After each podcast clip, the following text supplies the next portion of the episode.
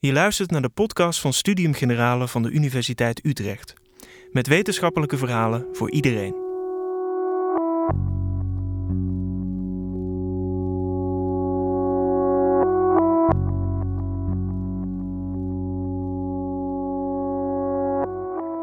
Het is een bekende strategie in de politiek.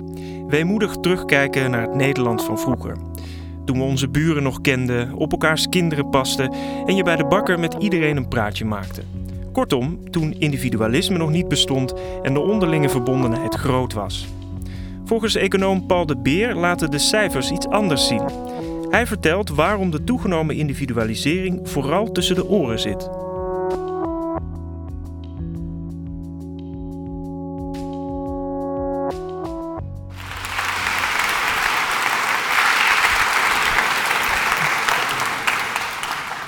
Goedenavond, ik ben blij dat u in zo'n grote aantallen bent opkomen dagen. En ik voel me zeer vereerd dat ik hier deze serie mag uh, aftrappen. Um, ik heb van tevoren de instructie gekregen dat ik niet al te veel hier heen en weer mag lopen op het podium. Maar u zorgt er zelf eigenlijk voor dat ik dat niet eens kan doen. Dus daar hoef ik gelukkig mijn aandacht niet op te richten, zodat ik me volledig kan richten op het uh, verhaal wat ik uh, ga vertellen. Laat ik eerst beginnen met een, een, een kleine reclamespot van inmiddels ruim 20 jaar geleden.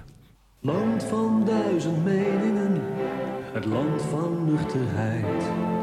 Met z'n allen op het strand, beschuit bij het ontbijt. Het land waar niemand zich laat gaan, behalve als we winnen. Dan breekt acuut de passie los, dan blijft geen mens meer binnen. Het land wars van de tutteling, geen uniform is heilig. Een zoon die zijn vader Piet.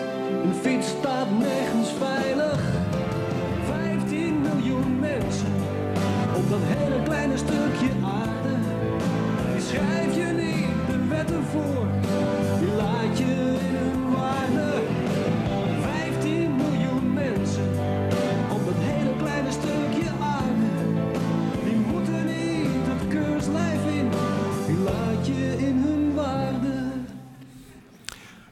dat was uh, ruim 20 jaar geleden, 1997. Uh, nou, u heeft u voor gelijk hier al uitgelicht dat de Nederlandse bevolking sindsdien met 2 miljoen gegroeid is. En dat is natuurlijk de reden waarom deze serie 17 miljoen mensen uh, heet.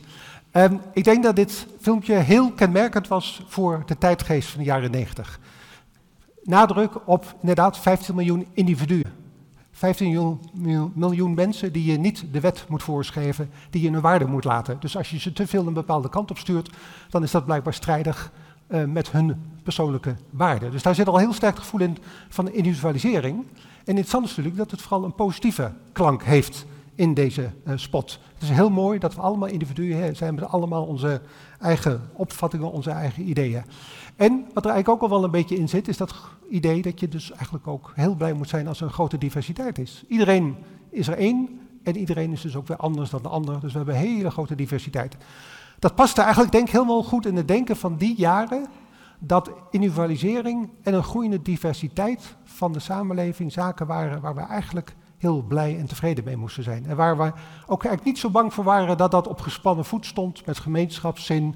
Dat zie je ook aan hoe we allemaal juichen voor Oranje um, en met solidariteit. En wat misschien ook nog kenmerkend is, zeker als je het nieuws vandaag een beetje gevolgd hebt, is dat het een spotje was van de Postbank. Voor de jongeren onder ons, de Postbank was ooit een overheidsbank uh, geweest, die op een gegeven moment werd geprivatiseerd. Dat paste helemaal aan denken van de jaren 90. Namelijk, overheidsdiensten werden steeds meer geprivatiseerd. Er was meer marktwerking, maar het idee was daarmee kon je ook mooie sociale doelen bereiken. Marktsocialisme werd dat soms wel genoemd, of in Nederland en andere landen de derde weg.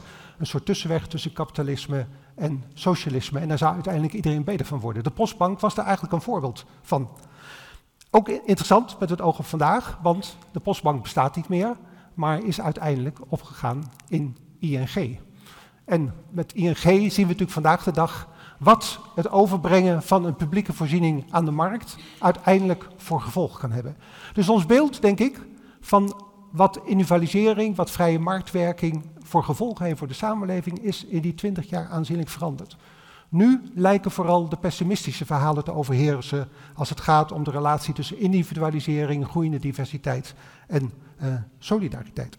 Hoe komt dat eigenlijk? Eigenlijk is dat wel merkwaardig, want het gaat natuurlijk eigenlijk uitstekend met Nederland. Zeker nu we uit de crisis zijn, scoort Nederland op heel veel lijstjes heel hoog. Als je ranglijstjes opstelt van de wereldtop op allerlei terreinen, of het nou gaat om uh, welvaartsniveau of om uh, het niveau van publieke voorzieningen of uh, geluksniveau of de stand van de gezondheid. Nederland staat bijna altijd in de top 10, meestal samen of direct achter de Scandinavische landen. Maar toch lijkt er de afgelopen jaren een toenemend gevoel van onvrede en onbehagen. Daar is er heel veel over geschreven.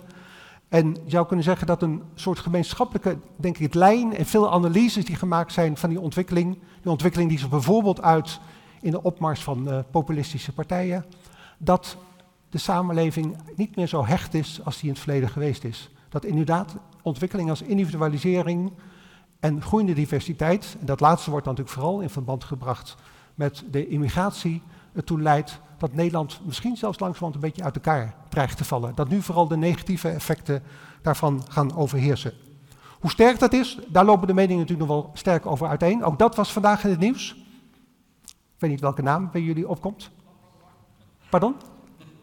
Ja, Blok, inderdaad, Stef Blok, die hier heel veel zorgen over heeft, althans, heeft gezegd dat hij daar veel zorgen over had, want hij heeft gezegd dat een multiculturele samenleving die tegelijkertijd vreedzaam is, eigenlijk niet kan bestaan. Dus eigenlijk zegt hij, als de verschillen te groot worden binnen een samenleving, dan valt die samenleving uiteindelijk uit elkaar of er gaat in geweld ten onder. Um, het feit dat hij daarover vandaag stevig aan de tand is gevoeld en dat hij uiteindelijk heeft moeten zeggen dat hij het niet meent. Ik weet niet wie dat gelooft, maar hij heeft het ieder geval gezegd daaruit mag je toch wel weer afleiden dat we gelukkig in het algemeen nog niet zo ver gaan dat we het al acceptabel vinden om zoiets te zeggen. Dat een multiculturele samenleving in geweld moet ontaarden of dat een te grote diversiteit per definitie niet te handhaven is. Maar dat er spanningen bestaan, dat wordt toch wel degelijk breed gedragen. Daarom vind ik misschien de kritiek op uh, Blok ook wel een beetje hypocriet, omdat er toch in meer genuanceerde vorm dit soort geluiden wel degelijk heel vaak te horen zijn. En overigens niet alleen door politici, want we hebben nog niet zo lang geleden, en daar kom ik later nog op terug, een uh, rapport gehad van de Wetenschappelijke Raad voor het Regeringsbeleid, waarin veel gematigder en, en meer wetenschappelijke termen in essentie eigenlijk hetzelfde werd gezegd als wat uh, Blok heeft gezegd. Dus dat is toch een dominante denken tegenwoordig, dat groeiende diversiteit en individualisering uiteindelijk toch slecht zijn voor de samenleving. En op zichzelf is dat natuurlijk niet zo gek gedachte. Um, want wat betekent nou eigenlijk individualisering? Nou, individualisering betekent in feite dat iedereen zijn eigen plaats in de samenleving kan kiezen. Dat mensen hun eigen leven vorm kunnen geven. Of zoals de Duitse filosoof uh, Ulrich Beck, het heeft, socioloog moet ik zeggen, Ulrich Beck het heeft geformuleerd. Iedereen schrijft, schrijft tegenwoordig zijn of haar eigen biografie. Jouw biografie, jouw levensloop wordt niet langer bepaald door je afkomst, door je sociale afkomst, door je geloof, uh, of door andere uh, factoren waar je zelf weinig invloed op hebt. Nee, je bepaalt zelf hoe je loopbaan eruit ziet. En dus kun je zelf bepalen hoe je je in je, je leven gaat ontwikkelen. Maar dat idee van individualisering betekent natuurlijk ook dat mensen dus een minder sterke band krijgen met de groep waartoe ze behoren. Dat in zekere zin het individu meer centraal komt te staan, betekent haast per definitie dat de groep minder belangrijk wordt. En dat kan het dus ook makkelijk toeleiden dat mensen minder snel bereid zijn iets voor de groep en dus ook voor een ander over te hebben. En dat staat inderdaad haaks op solidariteit, want als solidariteit iets inhoudt, en ik kom daar straks nog op terug, dan is het vooral dat mensen bereid zijn iets voor een ander te doen en dat ze zich verbonden voelen met een groep. En groeiende diversiteit zou potentieel ook dat soort negatieve effecten kunnen hebben.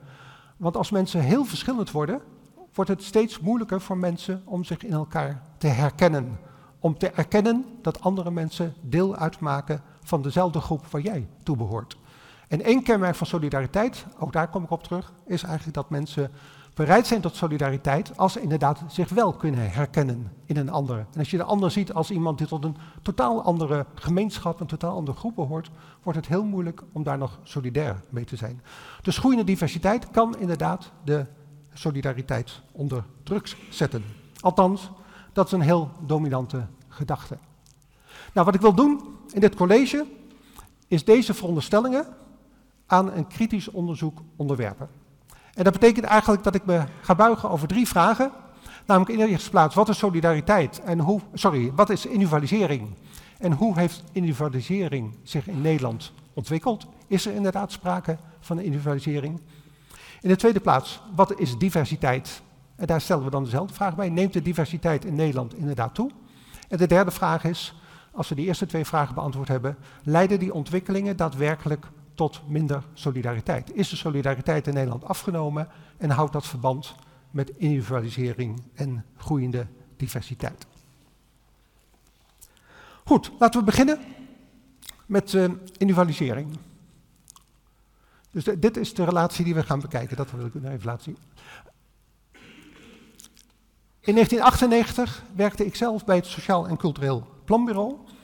En uh, iedere twee jaar publiceerde het Sociaal en Cultureel Planbureau nog steeds overigens een, een, een dik rapport waarin op een bepaald terrein de ontwikkelingen in Nederland werden geanalyseerd. In 1998 bestond het Sociaal en Cultureel Planbureau 25 jaar. En dat was dus een mooie gelegenheid om eens na te gaan wat voor sociale en culturele ontwikkelingen hebben zich in Nederland in de afgelopen 25 jaar uh, door, uh, heeft Nederland doorgemaakt, hebben zich voorgedaan in Nederland. Ik heb zelf aan dat rapport een uh, hoofdstuk bijgedragen over ontwikkelingen op het gebied van arbeid, want dat is mijn specialisme. Maar we hebben ook als medewerkers van het SCP gezamenlijk nagedacht over een samenvattend hoofdstuk waarin we al die lijnen probeerden samen te brengen. En wat er nu uiteindelijk in dat hoofdstuk terecht kwam, daar ben ik dus mede verantwoordelijk voor, is dat eigenlijk al de sociale culturele trends die zich in Nederland hadden voorgedaan in die voorgaande 25 jaar, het beste onder één noemer waren samen te vatten, namelijk, en nu citeer ik, met het begrip individualisering als de meest kernachtige karakterisering van een maatschappelijke dynamiek. Dus als je alles moet samenvatten wat er in de voorgaande 25 jaar in Nederland gebeurde, dan zou je zeggen, dan kun je het etiket individualisering opplakken. Ik gaf aan, als mede-auteur van het rapport heb ik me daar toen uh, zonder veel bezwaar in uh, geschikt, dat dat de conclusie was. Moet zeggen, daarna, toen het rapport eenmaal uit was en dat begrip individualisering mede daardoor ook extra aandacht kreeg in de publiciteit, begon ik er zelf een beetje twijfels over te hebben of we die uitspraak wel hadden kunnen doen. Want Eigenlijk wordt het begrip individualisering in het rapport niet heel scherp gedefinieerd. En het wordt geassocieerd met eigenlijk zeer uiteenlopende maatschappelijke ontwikkelingen. Met zaken als de groei van het aantal alleenstaanden, uh, toenemende arbeidsdeelname van vrouwen, secularisatie, afnemend uh, lidmaatschap van verenigingen zoals vakbonden en dergelijke. Ogenschijnlijk zou ik zeggen zaken die misschien niet zoveel met elkaar te maken hebben, maar waar toch steeds het etiket individualisering wordt opgeplakt. En eigenlijk verbaast me een beetje dat we in het rapport zelf niet een poging hadden gedaan vast te stellen wat er nou precies uh, gebeurde en waarom daar dat etiket individualisering op moet worden geplakt.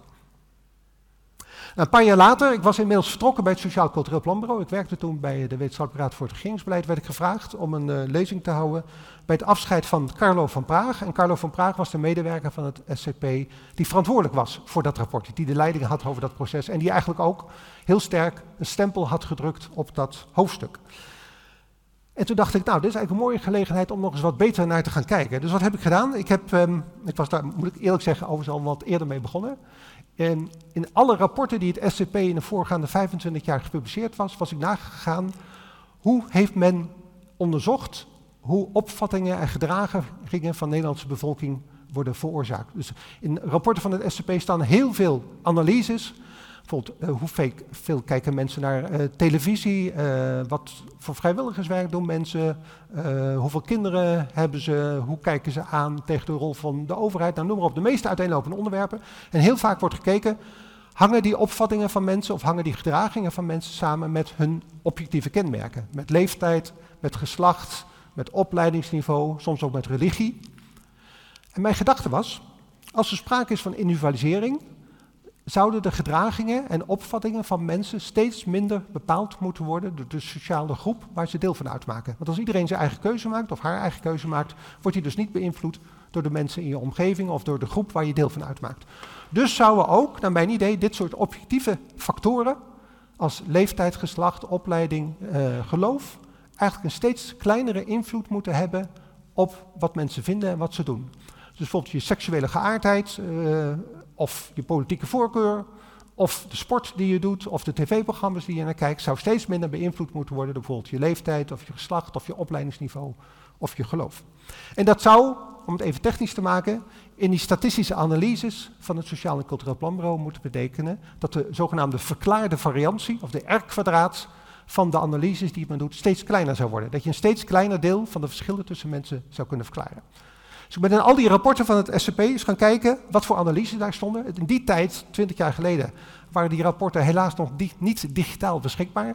Dus in de bibliotheek van het SCP heb ik alle rapporten over die 25 jaar doorgespit om te kijken wat er voor uh, tabellen in stonden van statistische analyses. En op grond daarvan kon ik een overzicht maken van de verklaarde variantie, oftewel de verklaringskracht. Je kunt ook zeggen de voorspelbaarheid van menselijk gedrag en menselijke opvattingen over een periode van toen inmiddels bijna 30 jaar. En je zou dus verwachten dat die voorspellingskracht steeds meer zou afnemen, dat het gedrag van mensen steeds moeilijker voorspelbaar werd. Maar wat vond ik? Dat presenteerde ik daar op die conferentie, uh, die afscheidsconferentie, deze grafiek. Ieder puntje wat daar staat is één schatting van een effect. Dat kan zijn een opvatting, een bepaald gedrag, uh, nou ja, wat het SCP ook maar geanalyseerd heeft. En uh, op de horizontale as staan de jaren waarop die puntjes betrekking hebben. En op de verticale as de R-kwadraat, oftewel de verkla verklaarde variantie van die specifieke schatting die men heeft gemaakt. Nou, dus dat levert een puntenwolk met grote variaties. Dat komt natuurlijk, sommige dingen zijn gewoon makkelijker te verklaren dan andere uh, dingen. Maar wat natuurlijk het opvallendste is, en daar heb ik natuurlijk ook zo'n dikke zwarte lijn doorheen getrokken. Als je een regressielijn doorheen trekt, dan zie je dat gemiddeld genomen de verklaarde variantie in de loop van de tijd alleen maar is toegenomen. Tussen pakweg 1970 en uh, 2000 bleek het gedrag van mensen en de opvatting van mensen niet moeilijker voorspelbaar te zijn, maar juist meer voorspelbaar. Mensen gedragen zich dus, dus steeds meer zoals andere mensen met vergelijkbare kenmerken zich ook gedragen. En dus kun je zeer sterk afvragen of er überhaupt sprake is van individualisering. Uh, deze figuur loopt maar door tot, wat is het, 2003 of zo geloof ik, um, omdat ik uh, toen uh, die lezing heb gehouden. Um, het lijkt me eigenlijk heel leuk om dat nog een keertje opnieuw te doen, maar het is een heidens karwei, vooral omdat het Sociaal en Cultureel Planbureau daar die tijd alleen maar meer is gaan publiceren en meer analyses is gaan opnemen. Ze zeggen, is hier een student die dit een leuk onderwerp vindt en zin heeft om uh, dit te gaan analyseren? Ik uh, sta onmiddellijk klaar om je daarbij te begeleiden en dan zou dit misschien geactualiseerd kunnen worden tot een meer recent uh, jaar.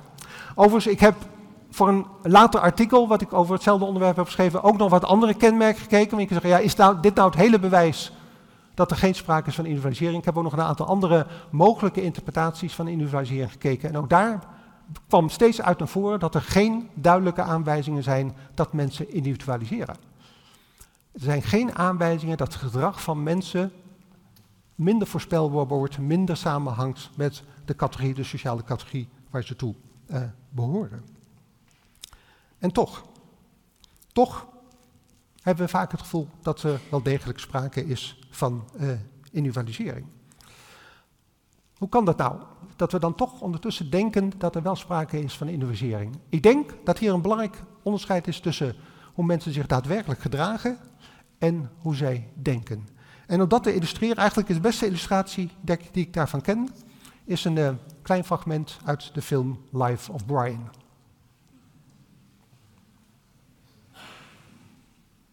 Hey.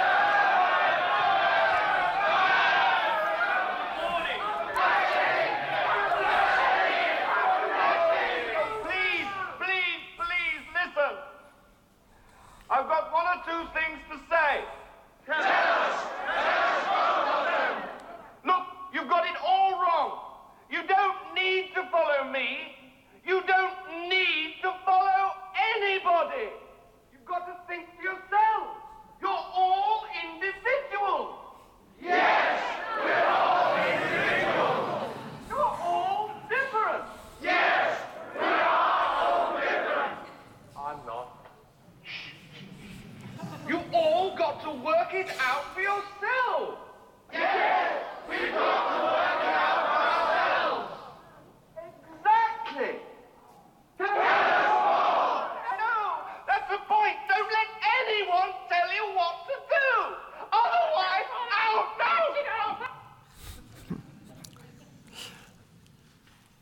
denk eigenlijk dat dit heel kort samenvat wat er aan de hand is. We denken allemaal dat we onze eigen keuzes maken. En ik ben daar zelf geen uitzondering op. Ook keuzes die ik maak, daarvan ben ik ook van overtuigd dat dat puur mijn eigen individuele keuze is. Toch wordt die keuze vaak wel degelijk in sterke mate bepaald door de sociale groep eh, waar je deel van uitmaakt. Dat wordt denk ik ook mooi ehm, aangeduid met de titel van dit boek, waar ik, die analyse die ik net heb gegeven is daar ook onderdeel van. Kiezen voor de kudde van Jan-Willem Duivendak en Menno Hurenkamp. we kiezen inderdaad voor de kudde. En dat is misschien een verschil met vroeger. Vroeger waren mensen natuurlijk ook kuddedieren. Mensen zijn nu helemaal sociale dieren, dus we zijn altijd kuddedieren geweest. Vroeger was de kudde waar je toe behoorde min meer gegeven. Die hing af van je sociale afkomst uh, of van het geloof waar je in uh, uh, opgroeide. En dan had je weinig keus. je, werd, had hetzelfde geloof. zeker jongens kozen vaak hetzelfde beroep. je leefde in dezelfde stand als je ouders hadden. En daar viel eigenlijk niks in te kiezen. Tegenwoordig kunnen mensen daar in zekere zin wel voor kiezen. Maar zodra ze dan tot zo'n groep behoren, zie je vaak dat hun gedrag in hoge mate overeenkomt met de andere leden van die groep. En ook zelfs de keuze voor de kudde. Overigens noemen Hurenkamp en Duivendak dat lichte gemeenschappen, in tegenstelling tot de zware gemeenschappen van vroeger. Um, ook de keuze voor die lichte gemeenschap dat kan ik overigens niet aantonen, maar ik denk dat dat ook in hoge mate bepaald wordt, ook weer door je sociale afkomst bijvoorbeeld. Uh, om één concreet voorbeeld te geven uit eigen ervaring. Dat mag natuurlijk nooit als wetenschapper, maar toch spreken dingen soms meer tot de verbeelding als je ze zelf aan de lijf hebt ondervonden. Ik ben inmiddels al 35 jaar lid van een uh, leesclubje dat gevormd werd uh, direct nadat ik was afgestudeerd en een aantal studiegenoten van mij of mensen die ik soms al iets langer kende, uh, die besloten na hun studie regelmatig bij elkaar te komen en uh, een leesclubje te vormen. Nou, dat hebben we 35 jaar al volgehouden. Dat groepje bestaat om te beginnen alleen maar uit mannen. We noemen onszelf ook de Herenclub. Het zijn allemaal mensen met ongeveer dezelfde leeftijd, wat natuurlijk voor de hand ligt, want we waren op hetzelfde moment uh, afgestudeerd. We hebben allemaal een hoge opleiding en ik ben als econoom een beetje uitzondering. De meeste zijn, ze zijn juristen, dus die zijn komen ook wat dat betreft overeen. En eigenlijk moet ik dus zeggen, ja, dat ik in deze groep met deze samenstelling ben terechtgekomen, is natuurlijk niet een eigen keuze geweest. Uh, want de kans dat ik in een, uh, een, damesclubje terecht was gekomen, was natuurlijk gewoon een stuk kleiner. Met andere woorden, ook de keuze voor dit clubje is uiteindelijk natuurlijk toch een belangrijke mate bepaald door factoren waar je zelf weinig invloed op hebt.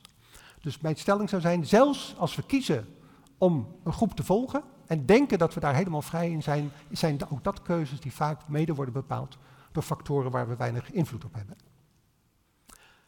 Oké, dan het tweede thema waar ik wat over zou zeggen, diversiteit. Nou, ik gaf al aan dat, dat liedje 15 miljoen mensen leidt eigenlijk ook al tot de conclusie van, ja, we moeten wel in een zeer divers land leven, want anders heb je het niet over 15 miljoen uh, mensen die hun waarde moet laten, dus die allemaal hun eigen keuzes moeten kunnen maken. Um, en geen twee mensen zijn aan elkaar gelijk. Dus diversiteit is eigenlijk per definitie 100%. Iedereen is verschillend. Maar als we het over diversiteit hebben, bedoelen we meestal natuurlijk toch iets anders. Alleen je kunt het dan over heel veel dingen hebben. Je kunt het natuurlijk hebben over diversiteit in lichaamslengte, in haarkleur, in uh, beroep, een hobby, uh, muziekvoorkeur, seksuele voorkeur, leefstijl, geloof, politieke voorkeur. Nou, op al die terreinen kunnen mensen divers zijn. Maar als we tegenwoordig over diversiteit hebben, gaat het bijna altijd eigenlijk over diversiteit naar afkomst of naar herkomst of etniciteit. Um, eigenlijk kun je zelf zeggen dat die etnische diversiteit, zoals we het nu meestal noemen, of diversiteit naar herkomst, een van de belangrijkste thema's, zo niet het belangrijkste maatschappelijke thema is geweest van deze eeuw tot nu toe. Dat begon eigenlijk al begin jaren 90, toen Frits Bolkestein, toenmalige lijsttrekker of fractievoorzitter van de VVD zich afvroeg of die multiculturele samenleving waarin we leven nou wel zo'n succes uh, was. hij noemde het nu, even kijken hoor, hij noemde het nu toen um, zwaar. Toen ging het nog om minderheden. Ja, laat ik dat niet vergeten. Toen ging het om culturele minderheden. Of dat nou wel succes was, dat ze die hadden. Later, in 2000, schreef Paul Scheffer, publicist, een bekend, een heel veel bediscussieerd uh, opinieartikel in NC Handelsblad over het multiculturele drama.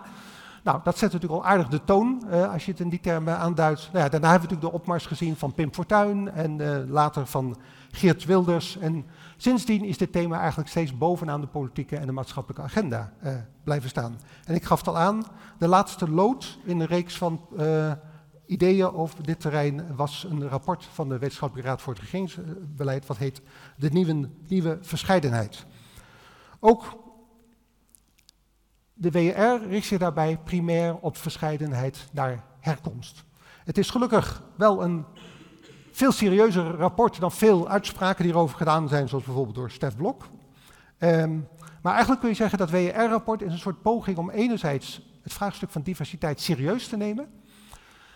Um, en tegelijkertijd wat afstand van te nemen dat het alleen maar zou gaan om het probleem van migranten en dan vooral migranten uit een beperkt aantal niet-westerse landen en dan vooral dat weer gerelateerd aan de islam. Want zo is natuurlijk dat vraagstuk de afgelopen 15 jaar steeds meer geframed. Uh, de discussie over de islam en de discussie over diversiteit lopen natuurlijk steeds meer elkaar over. Nou, daar probeert uh, de WR nadrukkelijk afstand van te nemen door te laten zien dat dat traditionele manier van denken in over diversiteit, waarin eigenlijk alleen een paar grote groepen worden onderscheiden. Dat is het linkerfiguurtje. Daar heb je uh, de groep uh, Marokkanen, Surinamers, Turken, uh, Antillianen en dergelijke. En dan heb je nog een groep westerse migranten. Dat zijn geloof ik, de, als goed zie, de blauwe. En dan de groep niet-westerse migranten. Ik kan het van deze afstand ook niet helemaal zien. um, dat is het traditionele beeld. Er zijn een paar grote groepen en die domineren de samenstelling van de groep mensen met een niet-Nederlandse herkomst. En zij laten zien, als je gaat kijken naar allerlei landen waar mensen vandaan komen, dus niet naar groepen van landen zoals de alle niet-westerse landen samennemen of alle westerse landen samennemen, maar dan kijk naar afzonderlijke landen, dat je dan een enorme variatie hebt. En dat er dan ook een aantal westen, zogenaamde westerse landen, belangrijke herkomstlanden blijken te zijn van migranten. En zij zeggen, het heeft dus geen zin meer om te praten in termen van een paar grote migrantengroepen. Dat was misschien 30 jaar geleden het geval. Toen waren dat Turken, Marokkanen, Surinamers en Antillianen de belangrijkste groepen migranten in ons land. Nu is de diversiteit zo groot geworden dat je dat niet meer simpelweg in termen van die paar groepen kunt duiden. Maar tegelijkertijd blijft natuurlijk wel in dat WR-rapport centraal staan dat diversiteit vooral wordt verbonden met de herkomst. Wat overigens opmerkelijk is, uh, het gaat in dat WR-rapport eigenlijk helemaal over uh, de toenemende diversiteit van de Nederlandse bevolking. Maar enigszins tot mijn verbazing vind je in het rapport nergens een grafiek die laat zien hoe die diversiteit dan in de loop van de tijd is toegenomen. Er staat wel ergens een grafiek over het aantal migranten, maar niet hoe de diversiteit van de bevolking is toegenomen. Dat komt waarschijnlijk omdat ze kijken naar mensen van, met 18 verschillende herkomstgroepen. En voor die 18 herkomstgroepen hebben we niet over een hele lange uh, periode betrouwbare cijfers. Dus ze konden niet een hele lange tijdreeks uh, schetsen. Maar ik heb eens even gekeken, wat hebben we dan wel? Nou ja, wat we bijvoorbeeld wel kunnen doen, is kijken hoe groot de diversiteit is naar nationaliteit in Nederland. Hoe heeft die zich ontwikkeld? Hier ziet u daar een beeld van en die is uitgedrukt, en nu word ik even technisch, met de zogenaamde Herfindaal-Hirschman-index. Dat is ook de index die de WR gebruikt om diversiteit uh, te meten. Um, ik zal niet gaan uitleggen hoe je hem uitrekent, maar hij betekent simpelweg de kans dat als twee willekeurige bewoners van Nederland elkaar ontmoeten, dat ze een verschillende herkomst hebben. Of in dit geval dat ze een verschillende nationaliteit hebben. Nou, u ziet dat als het gaat om nationaliteit, was dat uh, in, kort na de Tweede Wereldoorlog was die kans heel klein. 2% kans dat twee mensen die elkaar ontmoeten op straat, willekeurig uh, van de verschillende nationaliteiten zouden zijn. Dat kwam omdat op dat moment maar 1% van de Nederlandse bevolking niet een Nederlandse nationaliteit had. Als je even doordenkt, kun je nadenken, kun je afleiden dat het dan inderdaad 2% kans is dat mensen die elkaar ontmoeten uh, niet dezelfde nationaliteit hebben. U ziet dat is vooral in de jaren 60 en 70 sterk toegenomen. Nou, dat is natuurlijk niet zo verwonderlijk, want dat is de periode waarin uh, gastarbeiders naar Nederland kwamen. Inderdaad, mensen uit Marokko en Turkije, maar overigens ook uit Spanje en Joegoslavië. Alleen die zijn later weer teruggegaan. En toen was eigenlijk vaak ook de verwachting, dit zal wel een tijdelijk verschijnsel zijn, want inderdaad op een gegeven moment keren die gastarbeiders wel weer terug naar het land van herkomst. Nou, we weten dat dat met de Marokkanen en de Turken voor het grootste deel niet gebeurd is. Integendeel, dat ze juist veel aan gezinsvorming hebben gedaan, waarbij bijvoorbeeld een, een vrouw overkwam uit het land van herkomst, waardoor die groep nog verder is gegroeid. Maar interessant natuurlijk in deze figuur is dat we zien dat begin jaren 90 uh, of zeggen, midden jaren 90, uh, eh, dit een maximumniveau uh, bereikt. Van, wat is het, 10%. Dus midden jaren 90, als twee mensen elkaar tegenkwamen, was 10% kans dat ze niet dezelfde nationaliteit hadden. En daarna is dat gedaald. Dat lijkt heel opmerkelijk, maar dat is eigenlijk een gevolg geweest van beleid. Namelijk dat het in die periode makkelijker werd voor buitenlanders, voor migranten, om de Nederlandse nationaliteit aan te nemen. En daar is massaal gebruik van gemaakt, waardoor het aantal mensen met een buitenlandse nationaliteit afneemt. Nou, nu zullen veel mensen zeggen, ja, oké, maar dat zegt dus niks. Want dat zijn nog steeds mensen die uit het buitenland komen. Maar je kan natuurlijk ook anders naar kijken. Het feit dat mensen bereid waren om de Nederlandse nationaliteit aan te nemen, of dat graag wilden, geeft waarschijnlijk toch iets aan over hun verbondenheid met Nederland. Dus als mensen van die mogelijkheid massaal gebruik maken, kun je dat ook interpreteren als toch een soort afname van diversiteit, namelijk dat meer mensen zich echt Nederlander voelen. En of het dan zo belangrijk is dat ze uit een ander land komen, ja, ik zou niet weten waarom dat per se belangrijker is dan de nationaliteit die mensen kiezen. Nou, u ziet dat het in recente jaren toch weer is uh, toegenomen, omdat er natuurlijk weer een nieuwe instroom is geweest, met name van veel uh, asielzoekers, vluchtelingen in de laatste 10, 15 uh, jaar. En blijkbaar heeft het merendeel daarvan nog niet de Nederlandse nationaliteit gekregen, waardoor we zien dat het aantal met een niet-Nederlandse nationaliteit weer toeneemt. Maar dit is toch wel, denk ik, een, als contrast met de WER-analyse interessant om te zien dat die toename van diversiteit qua nationaliteit toch een minder eenduidig patroon is dan op grond van uh, alleen de herkomst van mensen. En wat ik al zei, ja, waarom kijken we per se naar herkomst? Waarom kijken we bijvoorbeeld niet naar geloof? Religieuze scheidslijnen zijn juist in het verleden ontzettend belangrijke maatschappelijke scheidslijnen geweest. Maatschappelijke tegenstellingen hielden vroeger juist vaak verband met religieuze scheidslijnen.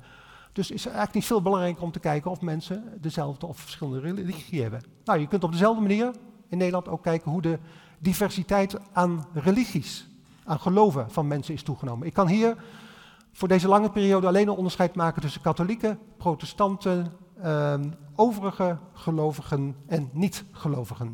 Dus de islam kan hier bijvoorbeeld niet als aparte groep worden onderscheiden, die horen dan bij de uh, overige gelovigen. Eigenlijk is het over een lange periode dat beeld onmerkelijk stabiel, wel hoog.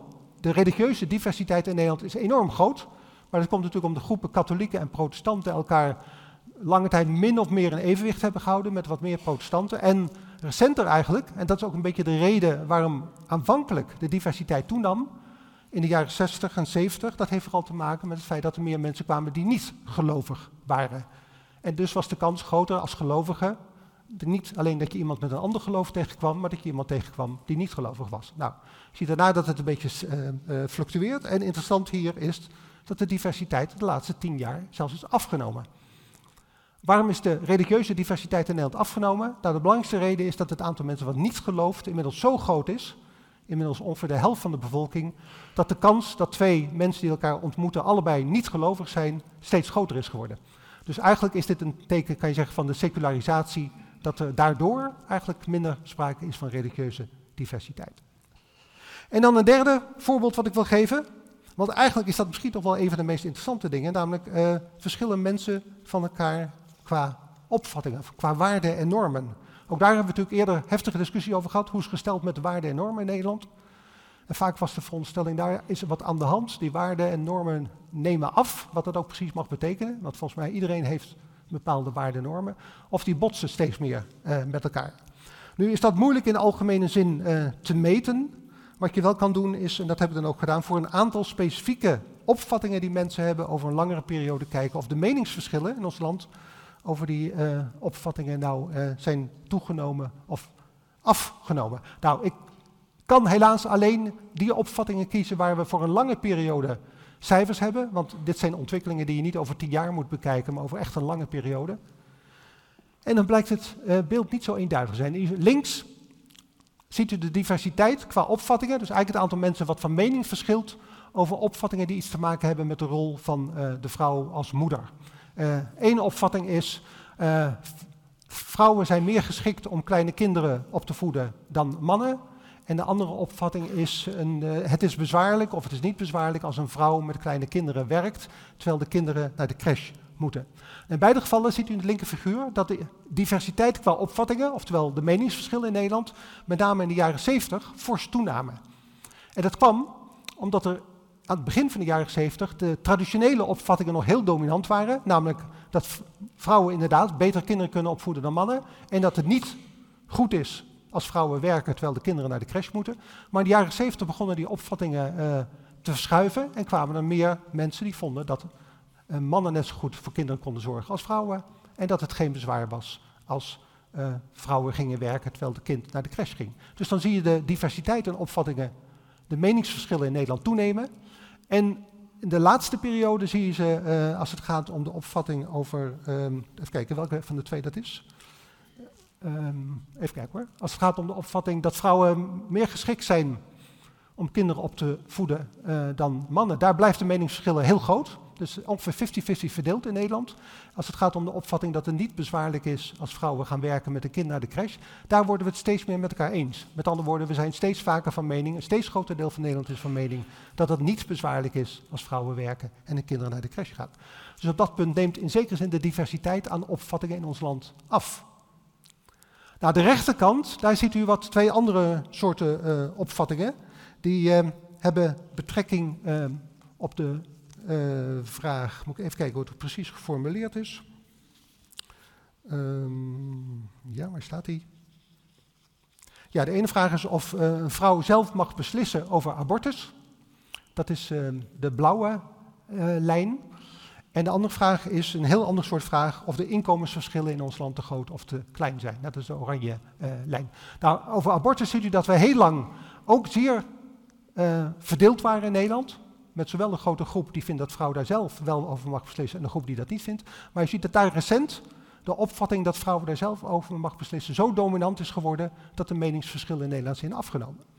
En als het gaat om die opvatting over inkomensongelijkheid, zien we een heel fluctuerend patroon.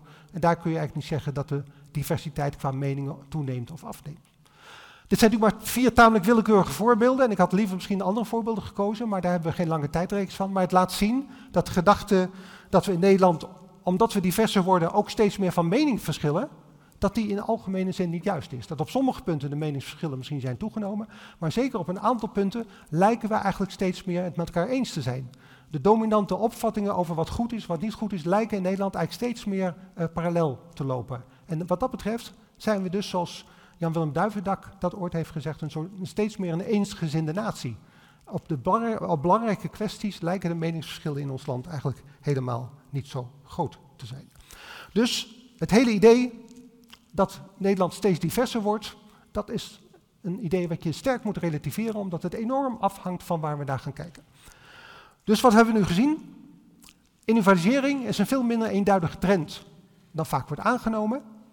En ook groeiende diversiteit is zeker niet iets wat voor alle soorten kenmerken waar je naar zou kunnen kijken geldt. Het geldt wel inderdaad voor herkomst, dat is duidelijk, door die migratie. Maar op een aantal andere terreinen is het zeer de vraag of je kunt zeggen dat de Nederlandse bevolking steeds diverser wordt. Hoe zit het nu dan met het laatste kenmerk waar ik het vandaag over wil hebben, de solidariteit? Nou, ook dat is een begrip waar veel discussie over mogelijk is en waar je veel verschillende interpretaties uh, aan kunt geven.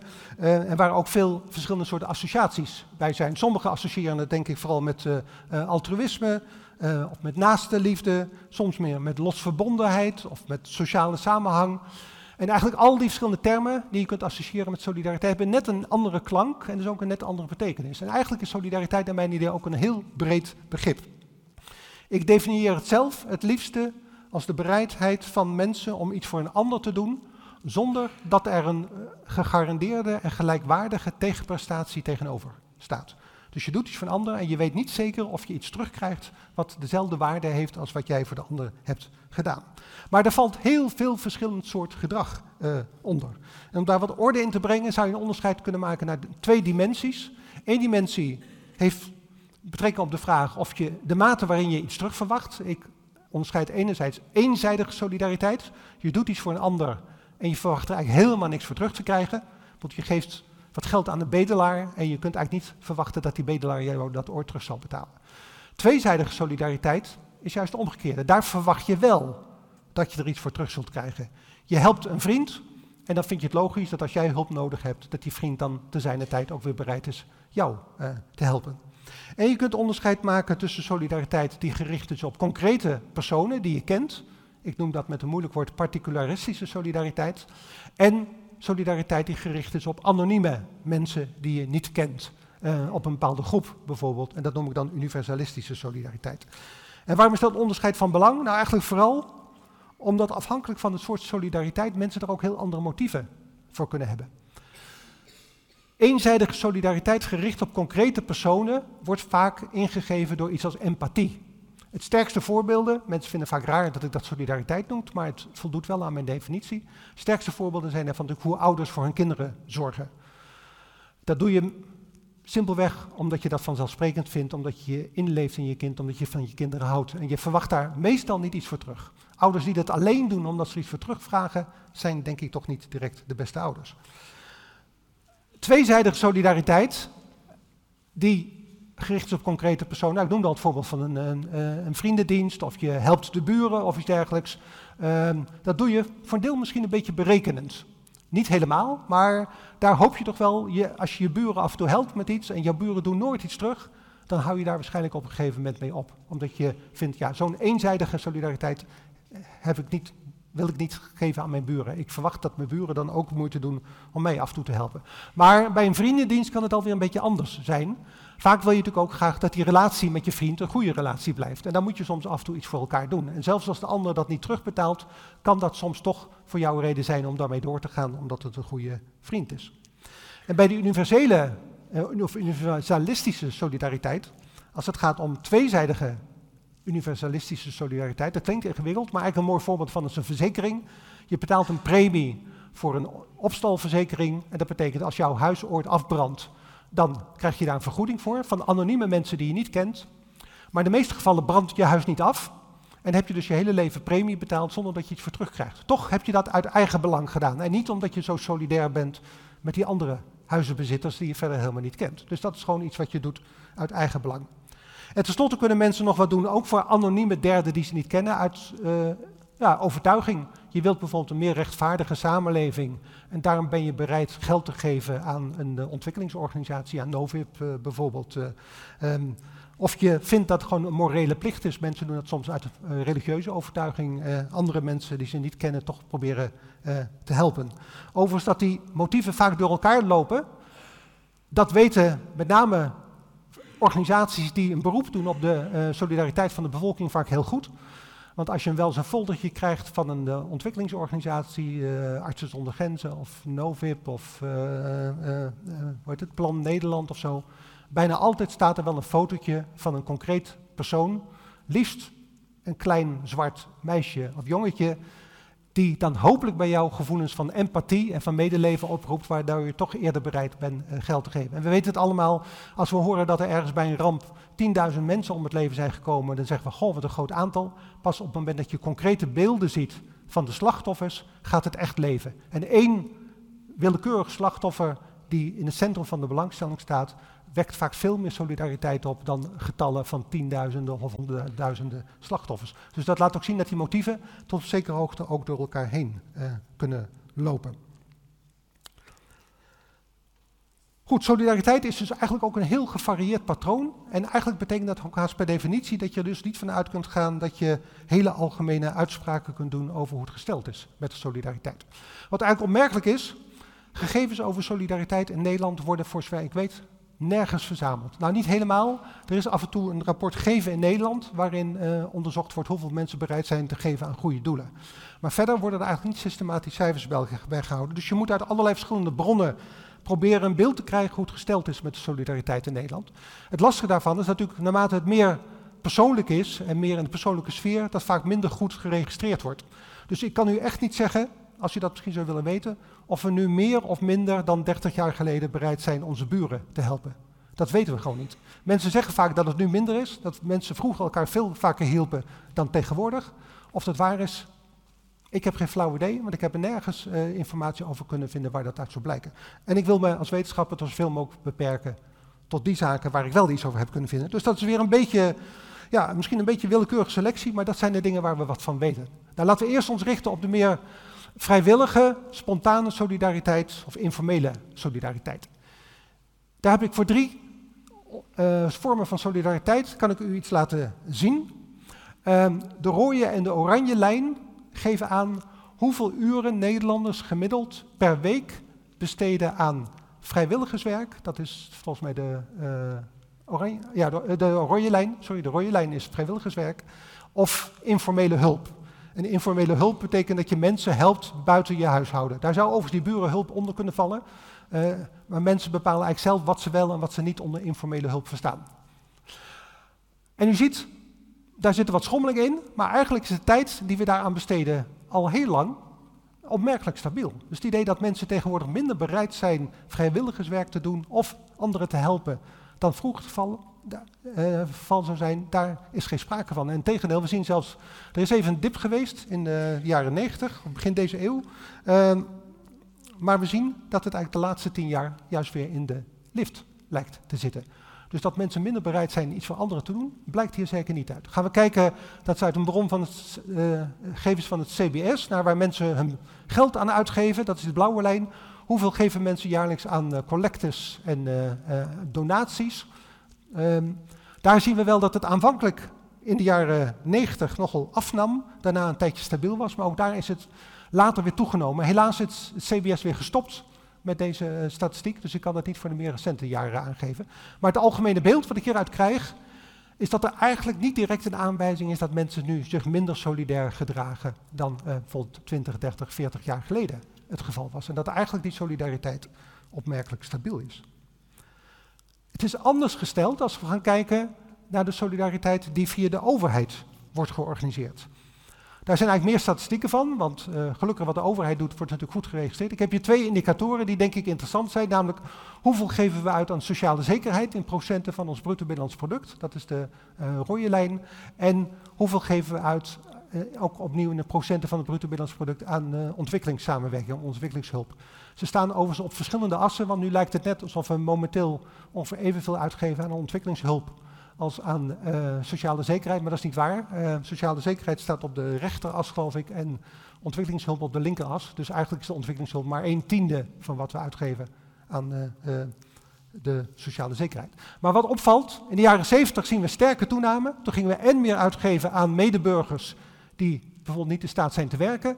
En we gingen ook meer uitgeven aan mensen in andere landen, waar we solidair mee waren. Maar je ziet vanaf midden jaren 80 is die solidariteit afgenomen. Vooral in de sociale zekerheid. En let wel, dat komt niet alleen omdat er minder, minder mensen een uitkering kregen. Uh, dat was wel zo. Maar de afname is veel groter dan de afname van het aantal mensen met een uitkering. Dat betekent dus gewoon dat het niveau van de sociale zekerheid, het niveau van de uitkeringen enorm is gedaald in verhouding tot wat we gemiddeld in Nederland verdienen. En bij ook ontwikkelingssamenwerking, daar is het wat minder teruggevallen, maar ook daar is het wat teruggevallen. Maar wel, overigens wel weer opmerkelijk dat het de laatste 15 jaar of zo weer redelijk stabiel lijkt te zijn. Maar eigenlijk concludeer ik dus ten aanzien van solidariteit dat de informele vrijwillige solidariteit die burgers spontaan betrachten, dat die eigenlijk opmerkelijk stabiel is en dat het vooral de solidariteit is die de overheid organiseert, die is afgenomen.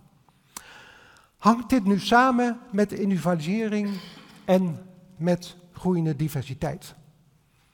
nou, eigenlijk is dat al bijvoorbeeld duidelijk dat het niet het geval kan zijn. Ik heb laten zien, individualisering is niet een duidelijke trend. En misschien is er helemaal geen sprake van individualisering. Groeiende diversiteit geldt alleen voor herkomst, maar eigenlijk niet voor allerlei andere dingen. En de solidariteit neemt niet in algemene zin af. Dus het eigenlijk is het al duidelijk dat daar niet een heel eenduidig verband tussen kan bestaan. Nou, de tijd schiet helaas tekort om uitvoerig in te gaan op de pogingen die ik en ook een aantal mede-onderzoekers van mij aan de Universiteit van Amsterdam hebben gedaan om toch de statistische relatie tussen die zaken beter uit te zoeken. Ik wil eigenlijk volstaan met één, vind ik wel interessant, voorbeeld van hoe je kunt onderzoeken of diversiteit wel of niet van invloed is op de bereidheid van mensen om anderen uh, te helpen. Dat is een onderzoek wat ik een aantal jaar geleden gedaan met collega's in de uh, Dappermarkt in Amsterdam. Daar zijn we mensen gaan vragen of zij bereid waren mee te doen aan een, uh, een klein experiment.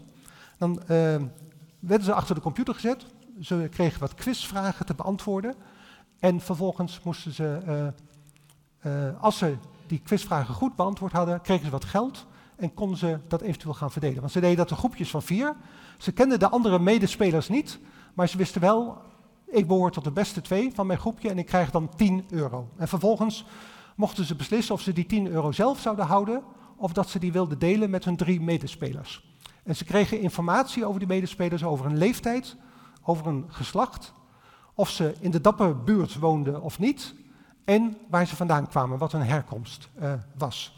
En we gingen toen kijken in welke mate bepalen nou de kenmerken van mensen, van de andere mensen moet ik zeggen, of mensen bereid zijn iets te geven. En inderdaad bleek dat mensen minder geven aan mensen met een andere herkomst dan aan mensen met dezelfde herkomst. Dus er wordt inderdaad gediscrimineerd naar etniciteit, zou ik zeggen. En naar leeftijd en geslacht niet of nauwelijks. Vrouwen waren iets solidairder ten opzichte van mannen dan mannen ten opzichte van vrouwen. Dat was overigens ook wel interessant, maar dat was een vrij klein effect. Maar wat we ook gingen bekijken, maakt het nou uit hoe de groep waar je deel van uit maakt, is samengesteld. Maakt het uit of je in een groep zit die heel divers is, of in een groep die heel homogeen is. En toen kwamen we tot de verrassende conclusie, en ik ga dit even overslaan. Dat in een groep die volledig homogeen was qua herkomst, dus het, dat waren in praktijk alleen maar mensen met een Nederlandse herkomst, want we hadden geen groepen die helemaal bestonden uit mensen met een buitenlandse herkomst, dat die gemiddeld 1,25 euro uh, aan de anderen gaven als ze 10 euro hadden gewonnen. Ze, dus degene die gewonnen had, hield zelf ruim 6 euro en gaf 1,25 euro aan de andere drie. Nou ja, een redelijke mate van solidariteit, want dat betekent dat je bijna 40% van wat je gewonnen hebt weer afstaat aan de anderen, zonder dat er enige reden voor is. Want die anderen hebben geen enkele prestatie geleverd en je kunt ook niet verwachten dat ze iets voor jou terug uh, gaan doen. Maar interessant was, als we een groep hadden die divers was samengesteld, en vooral een groep waar één persoon een andere herkomst had, dan bleek de totale solidariteit aanzienlijk toe te nemen. Want degene met de Nederlandse herkomst die 10 euro had gewonnen, gaf nu bijna de helft aan de andere mensen. Wel minder aan de persoon met een andere herkomst dan aan de mensen met dezelfde herkomst, maar in totaal meer. En zoals je ziet, wat degene met een andere herkomst kreeg, was bijna evenveel als in het eerste voorbeeld iedereen kreeg. Terwijl de mensen met dezelfde herkomst, dus de andere Nederlanders, om even simpel te de andere autochtone Nederlanders, kregen aanzienlijk meer dan in de situatie waarin de groep helemaal homogeen was. Dus een beperkte mate van etnische diversiteit leidde hier tot in totaal meer solidariteit, maar overigens ook tot discriminatie. En dat kan dus samengaan. Mensen kunnen meer solidair worden en toch tegelijkertijd discrimineren. Nou, in een groep met drie ehm, buitenlanders, zou ik maar zeggen, mensen met een andere herkomst en één Nederlander, zag je eigenlijk een vergelijkbaar soort verschijnsel. En in de groep met twee Nederlanders en twee met een andere herkomst was het weer een stuk minder. Ik vind het nog steeds een heel intrigerende uitkomst en ik heb er nog steeds niet een overtuigende verklaring voor. Ik heb wel wat mogelijke hypotheses. Maar wat het in ieder geval lijkt te tonen, is dat een beperkte mate van solidariteit, sorry, een beperkte mate van diversiteit mogelijkerwijs samengaat met meer solidariteit dan een volledig homogene groep. En de mogelijke verklaring die ik nu wil noemen, is dat solidariteit vraagt eigenlijk altijd om diversiteit. Er is geen reden om solidair met elkaar te zijn als iedereen hetzelfde is. Want als iedereen hetzelfde is, heeft niemand eigenlijk jouw hulp nodig. Pas als er verschillen zijn tussen mensen, ontstaat er een reden waarom mensen ook solidair met elkaar kunnen en willen zijn, omdat er inderdaad een verschil juist een reden is om solidair te zijn. Maar als die verschillen weer te groot wordt, of als zo'n groep in tweeën uiteenvalt, dan wordt dat blijkbaar weer minder. Het is natuurlijk gevaarlijk op grond van één zo'n experiment uh, te concluderen dat in het algemeen een beperkte mate van diversiteit goed zou zijn voor solidariteit. Maar niettemin is het wel denk ik iets wat de moeite waard zou zijn om ons nog wat verder uh, te onderzoeken. Dus als er hier maar iemand nog is die ergens een potje heeft waarmee wat onderzoek gedaan kan worden, dan zou ik dit experiment graag op een wat grotere schaal uh, nog eens een keertje herhalen. Nou, ik zou graag nog wat vertellen over andere onderzoeken die ik gedaan, maar helaas is de tijd uh, daarvoor te, kort, dus ik moet gaan, gaan afronden. Ik kan me voorstellen dat het u na het voorgaande allemaal een beetje Want in plaats van dat ik een eenduidig antwoord heb gegeven op de vraag of individualisering en groeiende diversiteit bijdragen of juist ondermijnend zijn voor solidariteit, heb ik u waarschijnlijk vooral in verwarring gebracht door alle veronderstellingen die ik aan het begin formuleerde, namelijk er sprake van individualisering en sprake van groeiende diversiteit. En dat ondermijnt de solidariteit, om al die veronderstellingen in twijfel te trekken. En vervolgens heb ik geprobeerd te laten zien dat dan de relatie tussen die verschillende zaken veel minder eenduidig is dan vaak wordt gedacht. Nou, als ik u daadwerkelijk in verwarring heb gebracht, dan ben ik volledig in mijn doel geslaagd. De sociale wetenschap is nou eenmaal niet zo ver gevorderd dat we algemeen geldende sociale wetten kunnen uh, opstellen. Um, maar volgens mij kan de sociale wetenschap wel een nuttige rol spelen om simpele verbanden die we vaak voor waar aannemen, op zijn minst kritisch te onderzoeken en ter discussie te stellen. En dat soort simpele verbanden, simpele vuistregels zijn in het dagelijks leven onvermijdelijk om goed te kunnen functioneren. We kunnen niet bij iedere beslissing die we nemen allerlei ingewikkelde analyses gaan maken. Dus we moeten handelen op basis van simpele handregels, simpele vuistregels. Alleen, dat hoeft niet als het gaat om nationaal beleid. En ik vind, het wel zorg, ik vind het niet zorgwekkend als individuele burgers dit soort simpele en vaak verkeerde veronderstellingen hebben. Ik vind het wel problematisch als mensen die beleid maken, als politici verkeerde ideeën hebben. Als die inderdaad redeneren in termen van hele simpele, eenduidige relaties en daar uiteindelijk ook hun beleid op gaan baseren. Van de overheid mag je verwachten dat men poging doet om serieus inzicht te krijgen in hoe verbanden zijn. Over die relaties en over die ontwikkelingen valt natuurlijk nog veel meer te zeggen dan wat ik vandaag gezegd heb. Het zijn complexe fenomenen en er zitten heel veel aspecten aan die ik vandaag nog niet heb belicht. Ik hoop dat ik u vandaag in ieder geval een beetje aan het denken heb gezet en dat u geïntegreerd bent wat hier meer over te zeggen valt, ook vanuit andere wetenschappelijke disciplines. Dus ik raad u dan ook van harte aan om de komende weken ook naar de volgende colleges in deze reeks te gaan. Heel hartelijk applaus graag.